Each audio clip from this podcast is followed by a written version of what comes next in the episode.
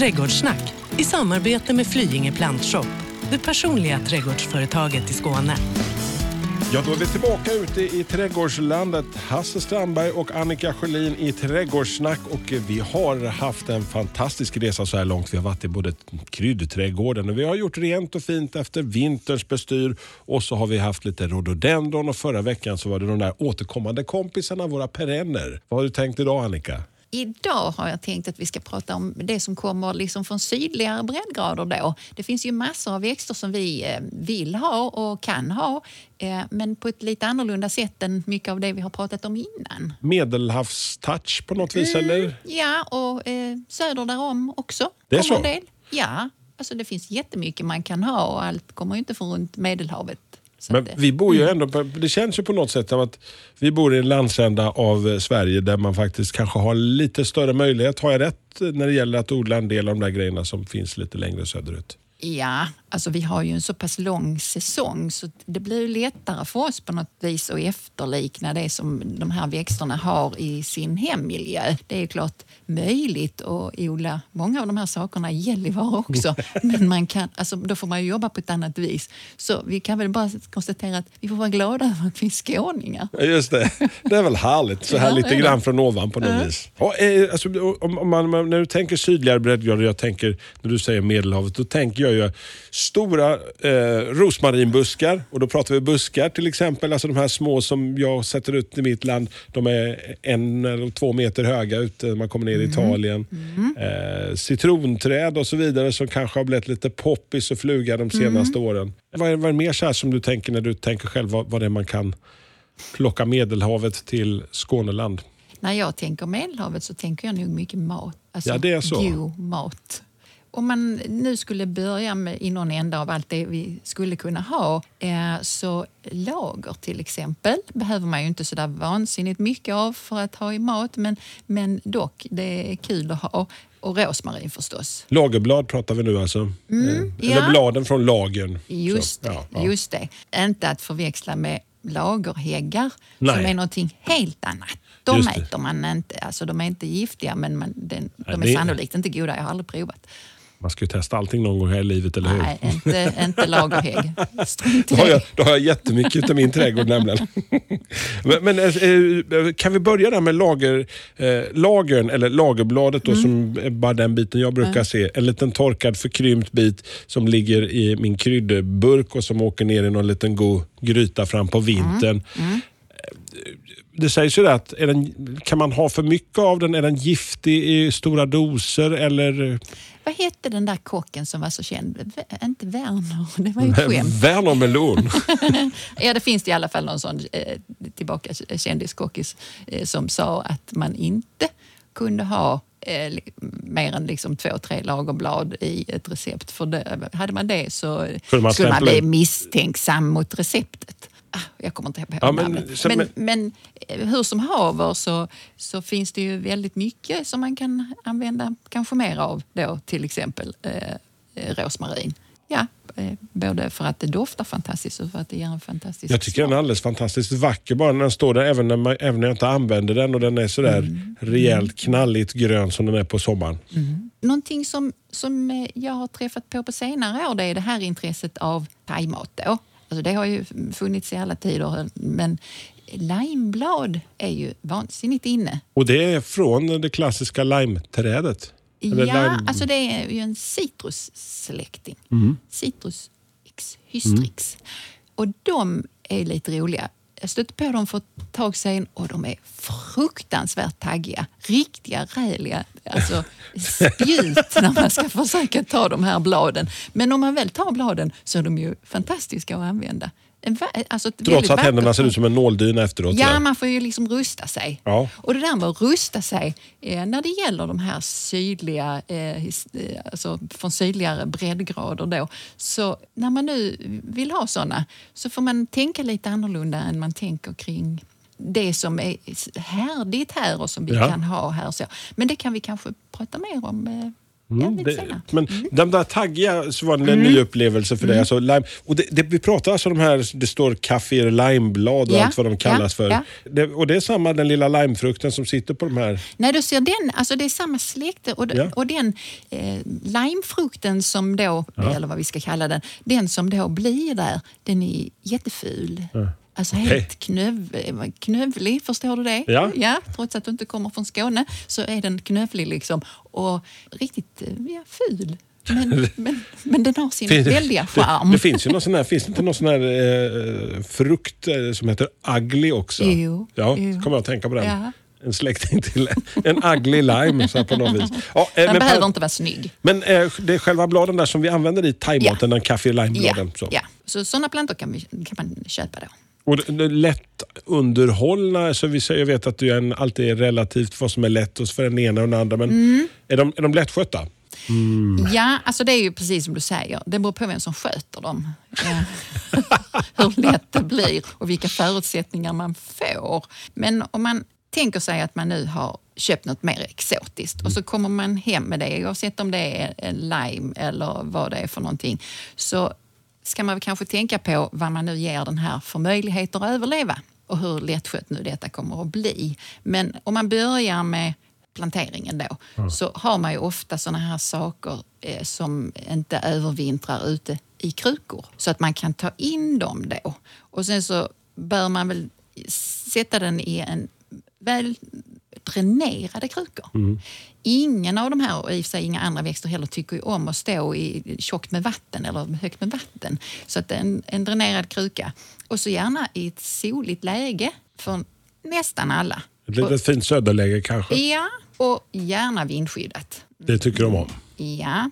Vad är det för, alltså när du tänker alltså lite generellt där, alltså jag förstår att det är lite olika från växt till växt när vi pratar om lite medelhavs... Eh, vad, är det för jord, vad är det för dränering du använder av? Använder du lekakulor? Mm. Är det luftig eh, torv eller?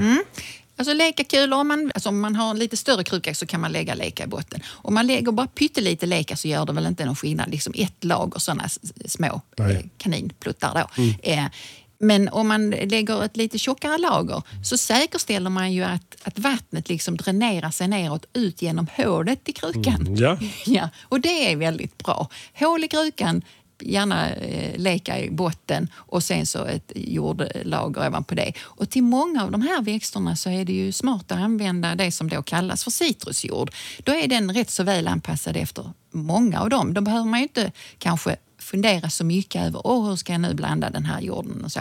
Utan använd citrusjord till mycket av det här. Va, va, vad består citrusjord om man är lite så nördig och vill veta hur, vad är den? eh, Alltså den är ju, på något sätt känns den ju ganska tung. Eh, så den är ju inte bara fluff, alltså det är liksom inte bara torr och så, utan den känns lite tyngre. Och sen så är det mindre kväve i den ofta. De här växterna som vi nu tar hem, de bor ju i en, ofta i lite kargare jord eller vad man ska säga. Och det är det man försöker efterlikna i den här citrusjorden och det försöker man även efterlikna i näringen som man då tillför de här. Så finns det liksom en burk som heter citrusnäring så kan man ju tänka då att varför, varför ska jag ha det? Men det är ju för att det blir lite enklare. Man kan ju självklart laborera själv med sina olika näringar och doseringar och sånt där. Men vill man ja, ha det lite enklare så använder man citrusnäring och då är den välkomponerad för de här växterna och så inte överdosera. Vi pratar väldigt mycket nu eh, citrusväxter. Vi kan väl stanna kvar där just därför att det har ju varit så jättepoppis. Man kommer till den lokala plantskolan och så ser man de här fantastiska små mini-apelsiner eller minicitroner. Och så tänker man den skulle jag vilja ta hem. Men jag, varenda gång så bromsar man och tänker att det här följer nog ett gediget arbete. Även om den sä- börjar säljas billigt på en hel del ställen. Liksom. Och ganska dyrt på andra.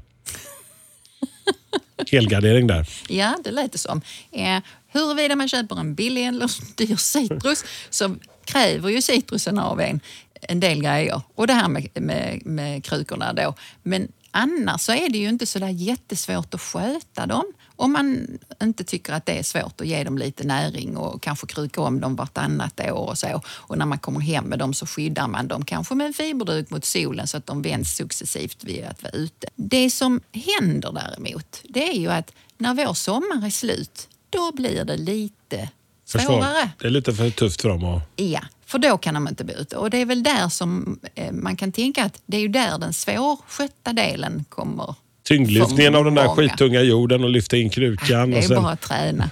Säckakärra, det är väldigt bra om man har stora krukor. Skit i gymkort, köp en säckakärra. Ja, och träna lite.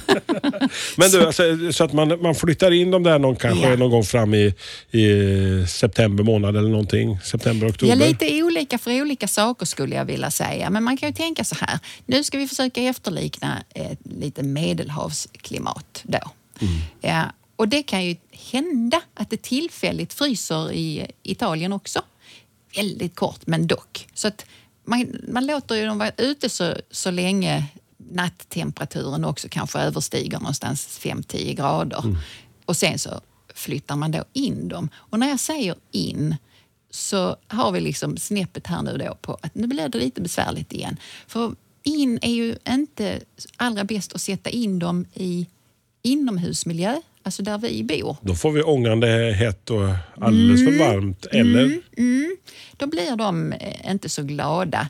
Ett tag funkar det ju, men det blir för mörkt och för varmt. Om man är citrus eller alltså sån här medelhavs, lite sydligare växt så vill man inte ha det på det sättet. De får ju inte det i sin hemmiljö. Utan det är bättre om man nu ska lyckas med det här oavsett om man har citrus eller om man har rosmarin eller om man har lager eller om man har agapant, eh, vad heter det, Afrikas blå lilja eller någonting sånt. Så är det bra att ha någonstans där man kan ställa det där det är väldigt ljust och sen att det håller sig kring 10 grader. Ett litet kan man ha- uterum kanske? egentligen. Ja, alltså jag hade för växthus där jag vinterförvarade saker. Mm. Det var ett vanligt hobbyväxthus som är isolerade med sån här bubbelplast, om du vet vad det är för något. Ja, just det, såna är som ligger- ja. för barn att sticka hål på. Tycker jag fortfarande är lika kul att sticka Ja, hål på. ja, men vi har olika nöjen. Eller hur? Ja, ja, i vilket fall som helst. Så åkte de in där och en, en sån här frostvakt då. Ja. Så att man kan ju göra det enkelt. Det kostar ju några kronor självklart att värma upp det här. Men det är en miljö som är bättre för plantorna om man nu har möjlighet att fixa det på det sättet än att sätta in dem inomhus där det är för mörkt och för varmt. För relationen mellan ljus och värme, det är viktigt för växten eh, för att den ska må bra över vintern. Så det kan ju alla som nu går och funderar och tittar på den här citrusplantan, var inte rädd, men det följer ett litet arbete är väl egentligen Mm. det jag försöker säga. Ja, och då, alltså det finns ju, om man nu vill ha en, en liten eh, typ citrus eller en rosmarin eller något sånt, så precis som du sa så finns det ju små sådana. Alltså de är ju inte mindre roliga att ha kanske eh, och då är det ju inte ett lika stort trauma om den här inte skulle må bra efter vintern som man kanske laddar på med, med en eh, allé utav inklippta oliver. Då kanske man ska ha tänkt innan, säger jag nu som tycker Ja. att man ska tänka först och göra sen. Men det, jag, satt och, jag var ju hälsade på er i, i, Flyinge plantskydd här Ja. förleden och, och det- vad jag, jag såg någonting som jag bara satt, tänkte, kan man odla det i Sverige? Persikor. Ja, kan man. För mig är någonting som är kopplat Italien, Spanien, Ja. lite sådär halvsydliga, kanske norra, norra delarna av Östschweiz kanske, jag, vad Mm. vet jag. Liksom. Nej då, det går eh, eh, bra att odla persikor. Eh, det finns, alltså, vi pratade om zonhärdighet Ja. för några gånger sedan och vi bor ju i zon 1 och det finns persikor som är zo- zonhärdiga här och även högre upp. Och det innebär ju då att de liksom överlever våra vintrar. Det man ibland får hjälpa dem med det är ju att när de sätter sina blommor, eh, nu har vi en spaljerad persika mot en tegelvägg och vad bra den mår. Eh, och så blommar den och så blir det rackans kallt på nätterna. Jättemycket frost. Alltså då riskerar man att förlora fruktsättningen för att blommorna helt enkelt inte tål den starka frosten som det blev. Men den kan man ju skydda dem ifrån med att ha en fiberduk som då hänger en liten bit utifrån eh, den spaljerade persikan på väggen. Kan man få dem att bära frukt här i Sverige också? Ja, massor. Massor. Ja, men visste du inte det? Nej, jag hade ingen Det aning. Så jag bara sådär. Det, Nej, det, det går alldeles utmärkt. Det finns eh, en hel del som har väldigt lyckade sådana. Jag var på en takterrass i, i, eh, Landskrona och hjälpte till där på ett sånt konsultuppdrag. Och den familjen där hade fantastiska persikor uppe på sin stora takterrass. Så att, Några som jag hade önskat att man kunde hitta, om de finns att få tag på här, så det de, de kallas för paraguanos. Det är de här platta persikorna som har börjat komma ut i butikerna. Jag åt i Italien för, för ett par år sedan när jag sprang på dem första gången. Lite nästan väldigt vitt, ljust fruktkött och en fantastisk smak och doft liksom till en varm sommardag. ja, ja, ja. Så den, den tycker jag att ni ska plocka in där. Ja, ja. Säg till chefen. Ja, Beställ. Får, då får vi väl kolla vad det är för något Ja. platt Ja, vi, nu är som vanligt sidospår i det här programmet. Vi har varit och eh, pillat lite grann på limeblad. Någonting som du, jag kopplar ihop med Medelhavet var någonting som du introducerade mig för ett par veckor sedan. Citronverbena. Den eh, doftar ju alldeles fantastiskt hemma i min trädgård Ja. nu sen jag skaffade den. Ja. Eh, Ljuvlig, ljuvlig doft som man bara, hmm, gå in och snorta den lite. Och det är också en sån som man då inte kan ha kvar ute och som ser väldigt skranglig och skraltig ut Ja. ofta på våren efter en alldeles normal övervintring då i det här eh, skyddade växthuset eller uterummet eller vad det nu är för någonting. Men sen när den sätter igång och sätter sina små, små blad så doftar den fantastiskt. Och det här med doft och, och de här, eh, även citrusarna och så då, det är ju helt fantastiskt. Citrusfrukter och citrusblommor samtidigt och den doften det sprider. Och, alltså det försätter ju en i en, Ja, det är en sån meditation. värld. Ja, Eh, Så att om man ska göra någonting för att liksom förflytta tanken, så om man liksom plussar på med många av de här kvaliteterna som då de här växterna har och så har de nära sig. Alltså då blir jag så Åh, då kan jag börja tänka, då är jag inte i Skåne längre, och det, även om jag trivs här. Så, Ja, men- så just när man, tanken kan flyga eh, när man sitter i en vrå där det Ja. är helt annorlunda. Jag tycker det är något av det godaste är när man sitter, man kan få den flashbacken mitt på vintern när man sitter och ska göra någon liten kaka eller ha något i pastan. Tar zestjärnet och drar över sin lilla citron. Liksom. Och de här citronoljorna bara stänker rakt upp i näsborrarna. Man bara så, åh!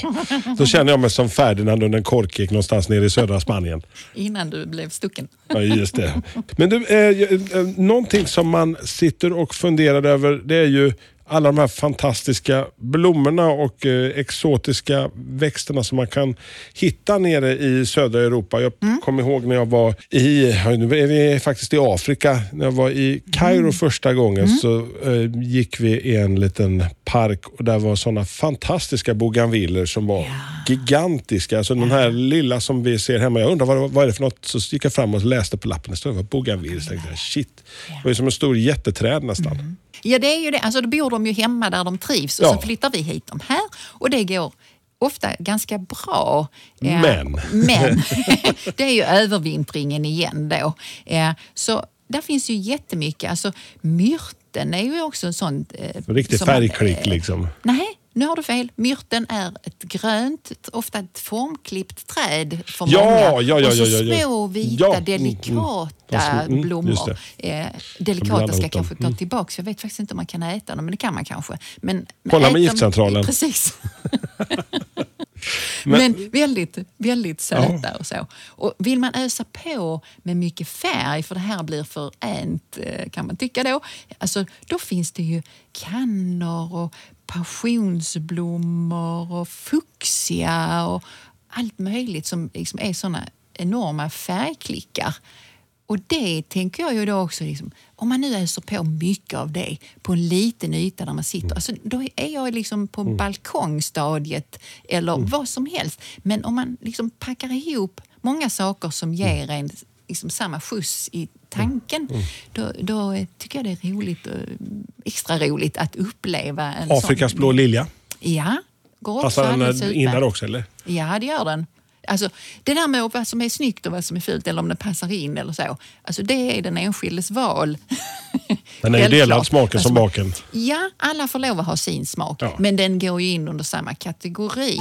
Välkommen till Flyinge plantshop, ett riktigt gardencenter där kunskap, kvalitet och service är en självklarhet. Bara tio minuter från Lund finner ni allt från perenner och buskar till stora träd, jord, gödning och tillbehör. Välkomna till Flyinge plantshop, Drömmen för alla trädgårdsälskare. Men jag tror du berättar något om din pappas agapantus. Just det, han har ju, han har ju sitt lilla Agapantus-projekt som har pågått under många herrans år och han har övervintrat dem. Han, eller rättare sagt, han övervintrar dem. Det vill säga det, barnen och barnbarnen får asa hans eh, krukor på säckakärror och på, ja, you name it för att flytta ut dem när det börjar bli tillräckligt varmt där ute. Så hans kompisar flyttar ut i hans lilla halvuterum.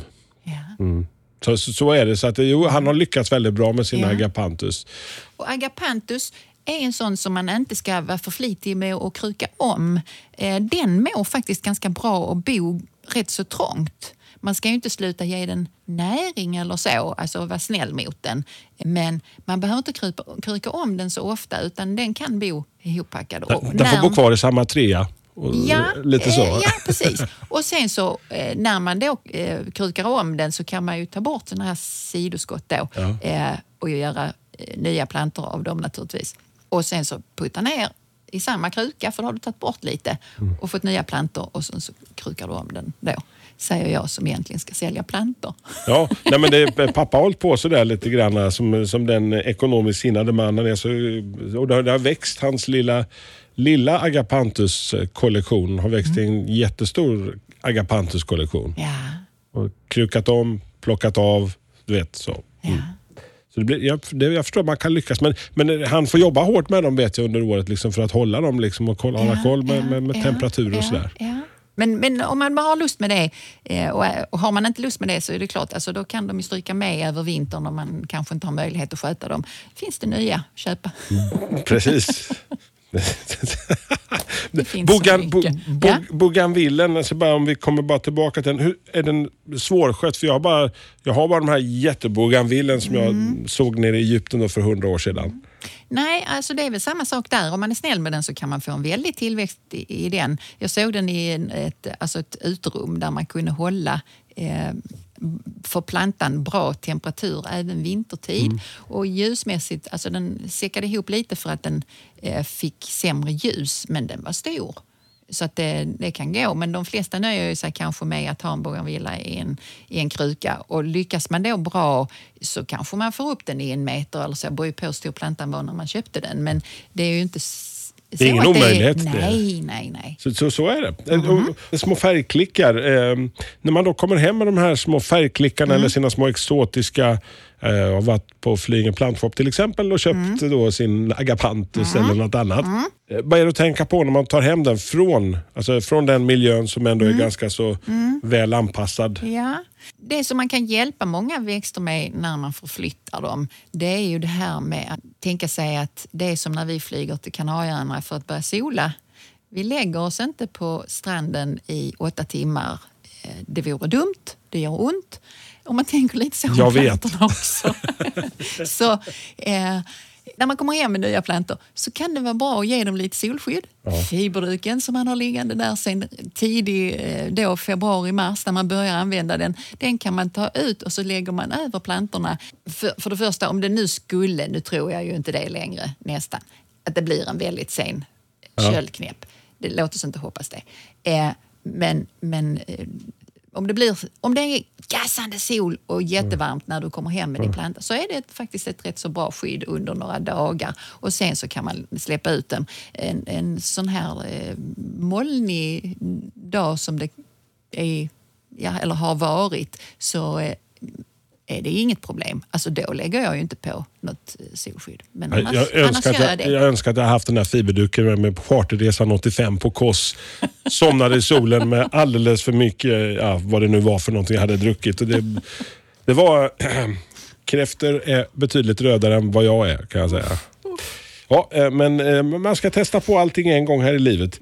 Hur får man citroner? Eh, är någonting jag sitter och funderar på på Mm. det lilla citrusträdet. För de som man köper så har det ofta ligger det, känns nästan som en sån sales pitch. Hänger det någon liten gul sak där som ser ut som en förkrympt citron. Men om man nu vill få den där återväxten på sin lilla citronplanta, Mm. sin lilla apelsinträd eller vad fan kan man nu ha köpt.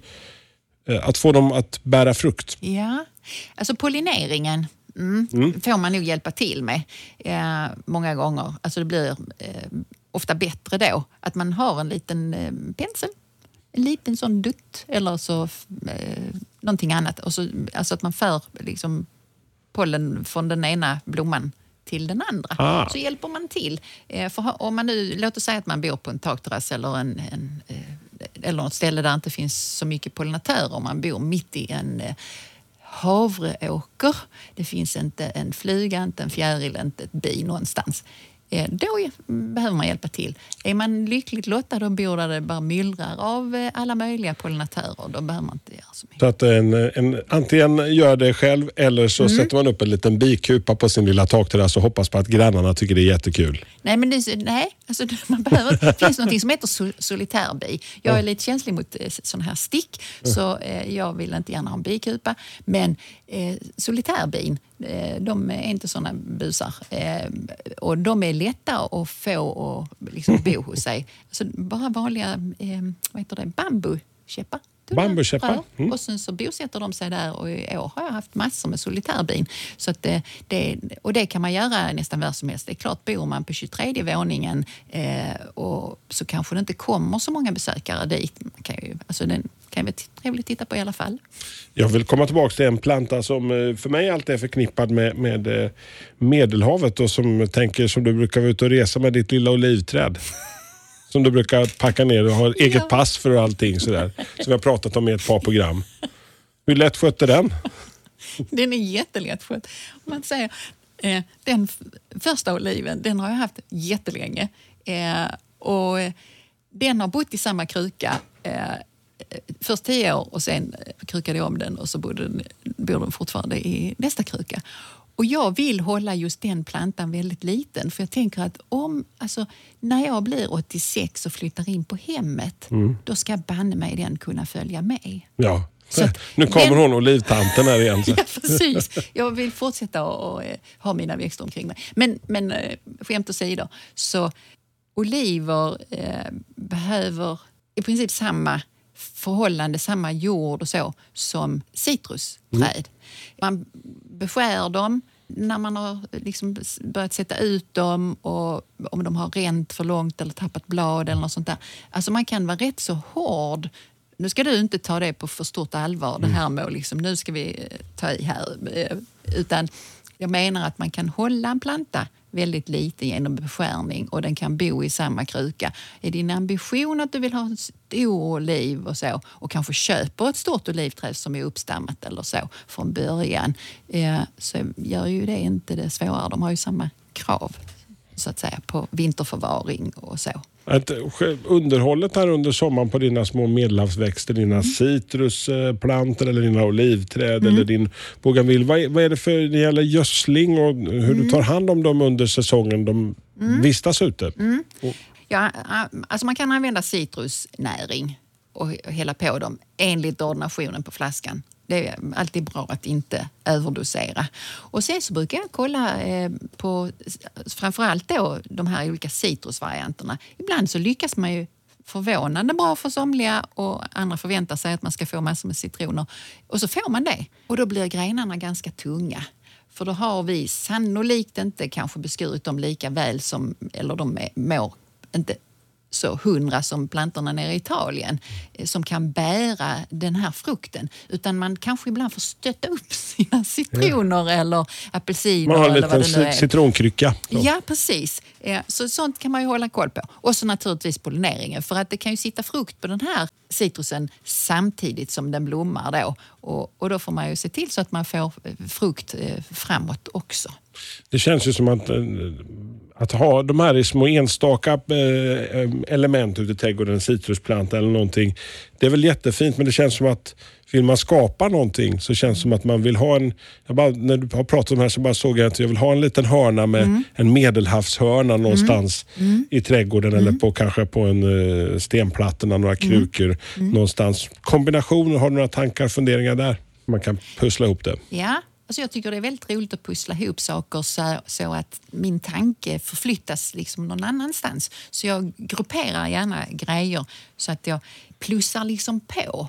Så om man nu tänker sig att nu har jag en sån här High Chaparral, vet du vad det är för någonting? Det börjar bli ropet igen. Det är en kaktus. Ja, just det. Den Ja. gamla som vi såg i de gamla westernfilmerna med Manolito. Ja, alltså lite så. En sån, eh, den finns ju i många hem igen och den har ju ingenting emot att vara ute. Så den, man- den, den kan ja. få komma ut lite... Ja, om, alltså det är ganska mycket som vi har inne som kan vara ute. Alltså älghornsbräken och andra ormbunksliknande inneväxter som jag har, de åker ju ut. Alltså de har varit ute länge, så de flyttar jag ju ut. Eller som kosläpp sådär så att du släpper ut att du har Ja, de blir jätteglada. Så, ansiktet. liksom. ja, men de blev, de måste, ju- det känns ju som att de måste bli jätteglada när de kommer ut i en fantastisk varm sve- svensk sommardag. Ja, alltså det har de ingenting emot. Solskyddsfaktor hög när jag Ja. sätter ut dem, men sen går det bra. Och sen så, om man nu har den här High Chaparrallen eller någon andra typer av ökenväxter, alltså sån här svärmorskudde tror jag det heter. Ja. Ja.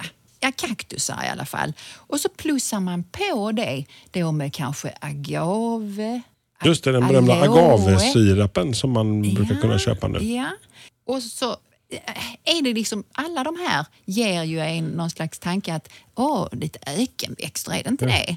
Och så plussar man på det. Nu gör vi en liten öken av det här. Så det här skulle kunna bo i någonting som kanske liknar en pallkrage, men inte är det. Men liksom, tänk er en hörna där man lägger i allt det här. Och sen så har man kanske gul sand i de här krukorna överst eller i- den här lilla planteringen eller någonting sånt där. Och eh, någon gammal trött gren som har flugit över öknen eller sånt där. Och så, så här, ett, ett, ett kohuvud eller någonting som ligger ute i Ja, trädgården. ja. Hade man kunnat lagt för Ja. att skapa den där lite känslan. Ja, alltså, då blir det ju på något sätt, för mig i alla fall, Vilda västern. Lite, lite roligt att Ja. titta på den och gå förbi den och sen så plötsligt så är det en annan miljö som ser helt annorlunda ut. Och då kanske jag har gått runt hörnen eller till andra änden av min eh, balkong. Har du skapat den här kak- kaktushörnan själv hemma, hemma hos dig? Nej, jag håller på. Du håller på? Ja, alltså ständigt så gör jag sådana saker så folk eh, kanske tror att jag är mer än udda. Eh, jag till exempel håller på att skapa mig en djungel där jag faktiskt har köpt en plastkrokodil. Annars har jag inte så mycket plast, men denna plastkrokodil är numera nergrävd i en damm. Och den dammen då eh, så la jag i vattenväxter. Tyvärr så åt min hund upp vattenväxterna när jag inte såg det så de försvann. Och till slut så fattade jag kopplingen mellan hund och frånvaron av vattenväxter. Så köpte jag nya och satte ett hönsnät runt den här dammen då, vilket naturligtvis ser lite udda ut. Men jag tyckte det var lite kul. Nu får jag skydda mina vattenväxter här. Och så bor den där krokodilen då i detta tillsammans med nya kan vattenväxter. begära till tropikariet annars så köper de har säkert några små... Ja, men då har jag ju mitt eget tropikal. Ja, När jag går ja, förbi ja, där så blir jag lite glad. Och så är det fullständig djungel runt omkring mig. Och då tänker jag ju... Gud, Men du, jag ser att det här är en annan variant än hönsnätet som kanske kan säga st- sticker ut. Alltså, sätt i varför inte en liten riktig krokodil? Då håller ju hunden sig borta också. Det var bara en tanke. Som jag tänkte, men det var fel tydligen. Det var faktiskt någon häromdagen som trodde att krokodilen var riktig. Gjorde den det? Ja. Vad gulligt. Han gör det, nej, alltså det var på fullt allvar. Jag, alltså jag tror inte han, det var en rejäl karl, han blev inte rädd, det var en hantverkare som var hemma hos mig. Men, men eh, han reagerade på, på Mm. krokodilen i en, en liten kort stund och trodde att det var riktigt. Veckans fråga i Trädgårdssnack. Dagens fråga. Jag har faktiskt fått in efter vårt eh, förrförra program med, med surjordsväxter och rhododendron som blommade rätt så kraftigt här förleden, framförallt uppe i Sofiero. Det är Eva i Kävlinge som skriver till oss och undrar när hon ska plocka av eller ska hon inte plocka av blommorna på sin rhododendron där hemma i trädgården. Nu när de har Det är blommat så skönt att kunna säga, du kan göra precis hur du vill. Det kan man ganska ofta i trädgården. Men jag, är, alltså, jag tänker lite så praktiskt. Om man tycker att det är fult att ha de här blomställningarna kvar, så eh, för allt i världen så plockar man bort dem. För då blir det ju finare. Men om man tittar på Sofiero, det är det stället som vi vallfärdar till för att det är så fantastiskt jättefina Och rhododendron. olika sorter och så många fina. Ja, jag eh, är inte helt säker på att där klättrar omkring någon i ravinen och plockar bort eh, blommor på de här eh, rhododendron då för att de ska bli ännu finare. De är fina för att de trivs där. Så att, eh, man, det, det skadar liksom inte om man plockar bort dem. Jag är inte hundra övertygad eh, om att det blir så väldigt mycket bättre för att man gör det. Så Eva, lägg, lägg, lägg, gör som du vill och lägg hellre lite tid på att luka rabatterna, de andra rabatterna om du nu ska ut och göra någonting. Ja, alltså Ja. det kan man göra. Jag tycker man- man, man gör det man tycker verkar bra. Men om man nu ska ta bort dem så, så får man vara lite försiktig för att upp i, alltså det, nästa års tillväxt sitter ju precis, precis under blomman som små skott. Och då får man, när man, om man tittar lite noga så ser man var man ska ta tag och lite vrida, knäcka till. Så att man inte klipper kanske en bra bit nedanför för att då kanske man klipper bort all eh, blir inga blommor nästa år. nästa Nej, år. nej, Nej, inte så mycket blad. Alltså det blir liksom ingen ny eh, tillväxt. Så att, eh, och sen finns det ju jättemånga rhododendron som har fantastisk färg på de här nya skotten. Ibland är det någon som kommer och frågar i, i flygplantshop då om, om eh, färgen. Nu har den blivit sjuk, den är alldeles grå. Men det är inte alls som den är sjuk, den ska se ut så. Vissa har sån liksom filt på sin nytillväxt och det blir fantastiskt vackert. Då är de gröna, blanka Som ett litet så skydd över de dem så. där, Ja, ja. ja. Och så kommer de där nya, alldeles gråa luna. De är så fina. Ja, där fick du svar hoppas Eva och eh, ni andra som har frågor kring eh, trädgården och saker vi har tagit upp i detta eller andra program eh, så får ni gärna gå in på vår Facebook-sida Trädgårdssnack eh, som är tillbaka nästa vecka. Då ska vi... Ja, då ska vi in i mitt favoritområde där krokodilen bor. Eh, I min trädgård i alla fall. Okej, Bambudjungeln. bambudjungeln. Oh, scary. Nästa vecka i Trädgårdssnack. Trädgårdssnack i samarbete med Flyinge Plantshop, det personliga trädgårdsföretaget i Skåne. Dina händer är viktiga verktyg för arbetsdagen. Så den här veckan har vi 25% rabatt på alla skyddshandskar hos Swedol. Ja visst, passa på! Kika in i din närmsta butik eller handla på webben. När du köper skyddshandskar, välj Swedol för säkerhets skull.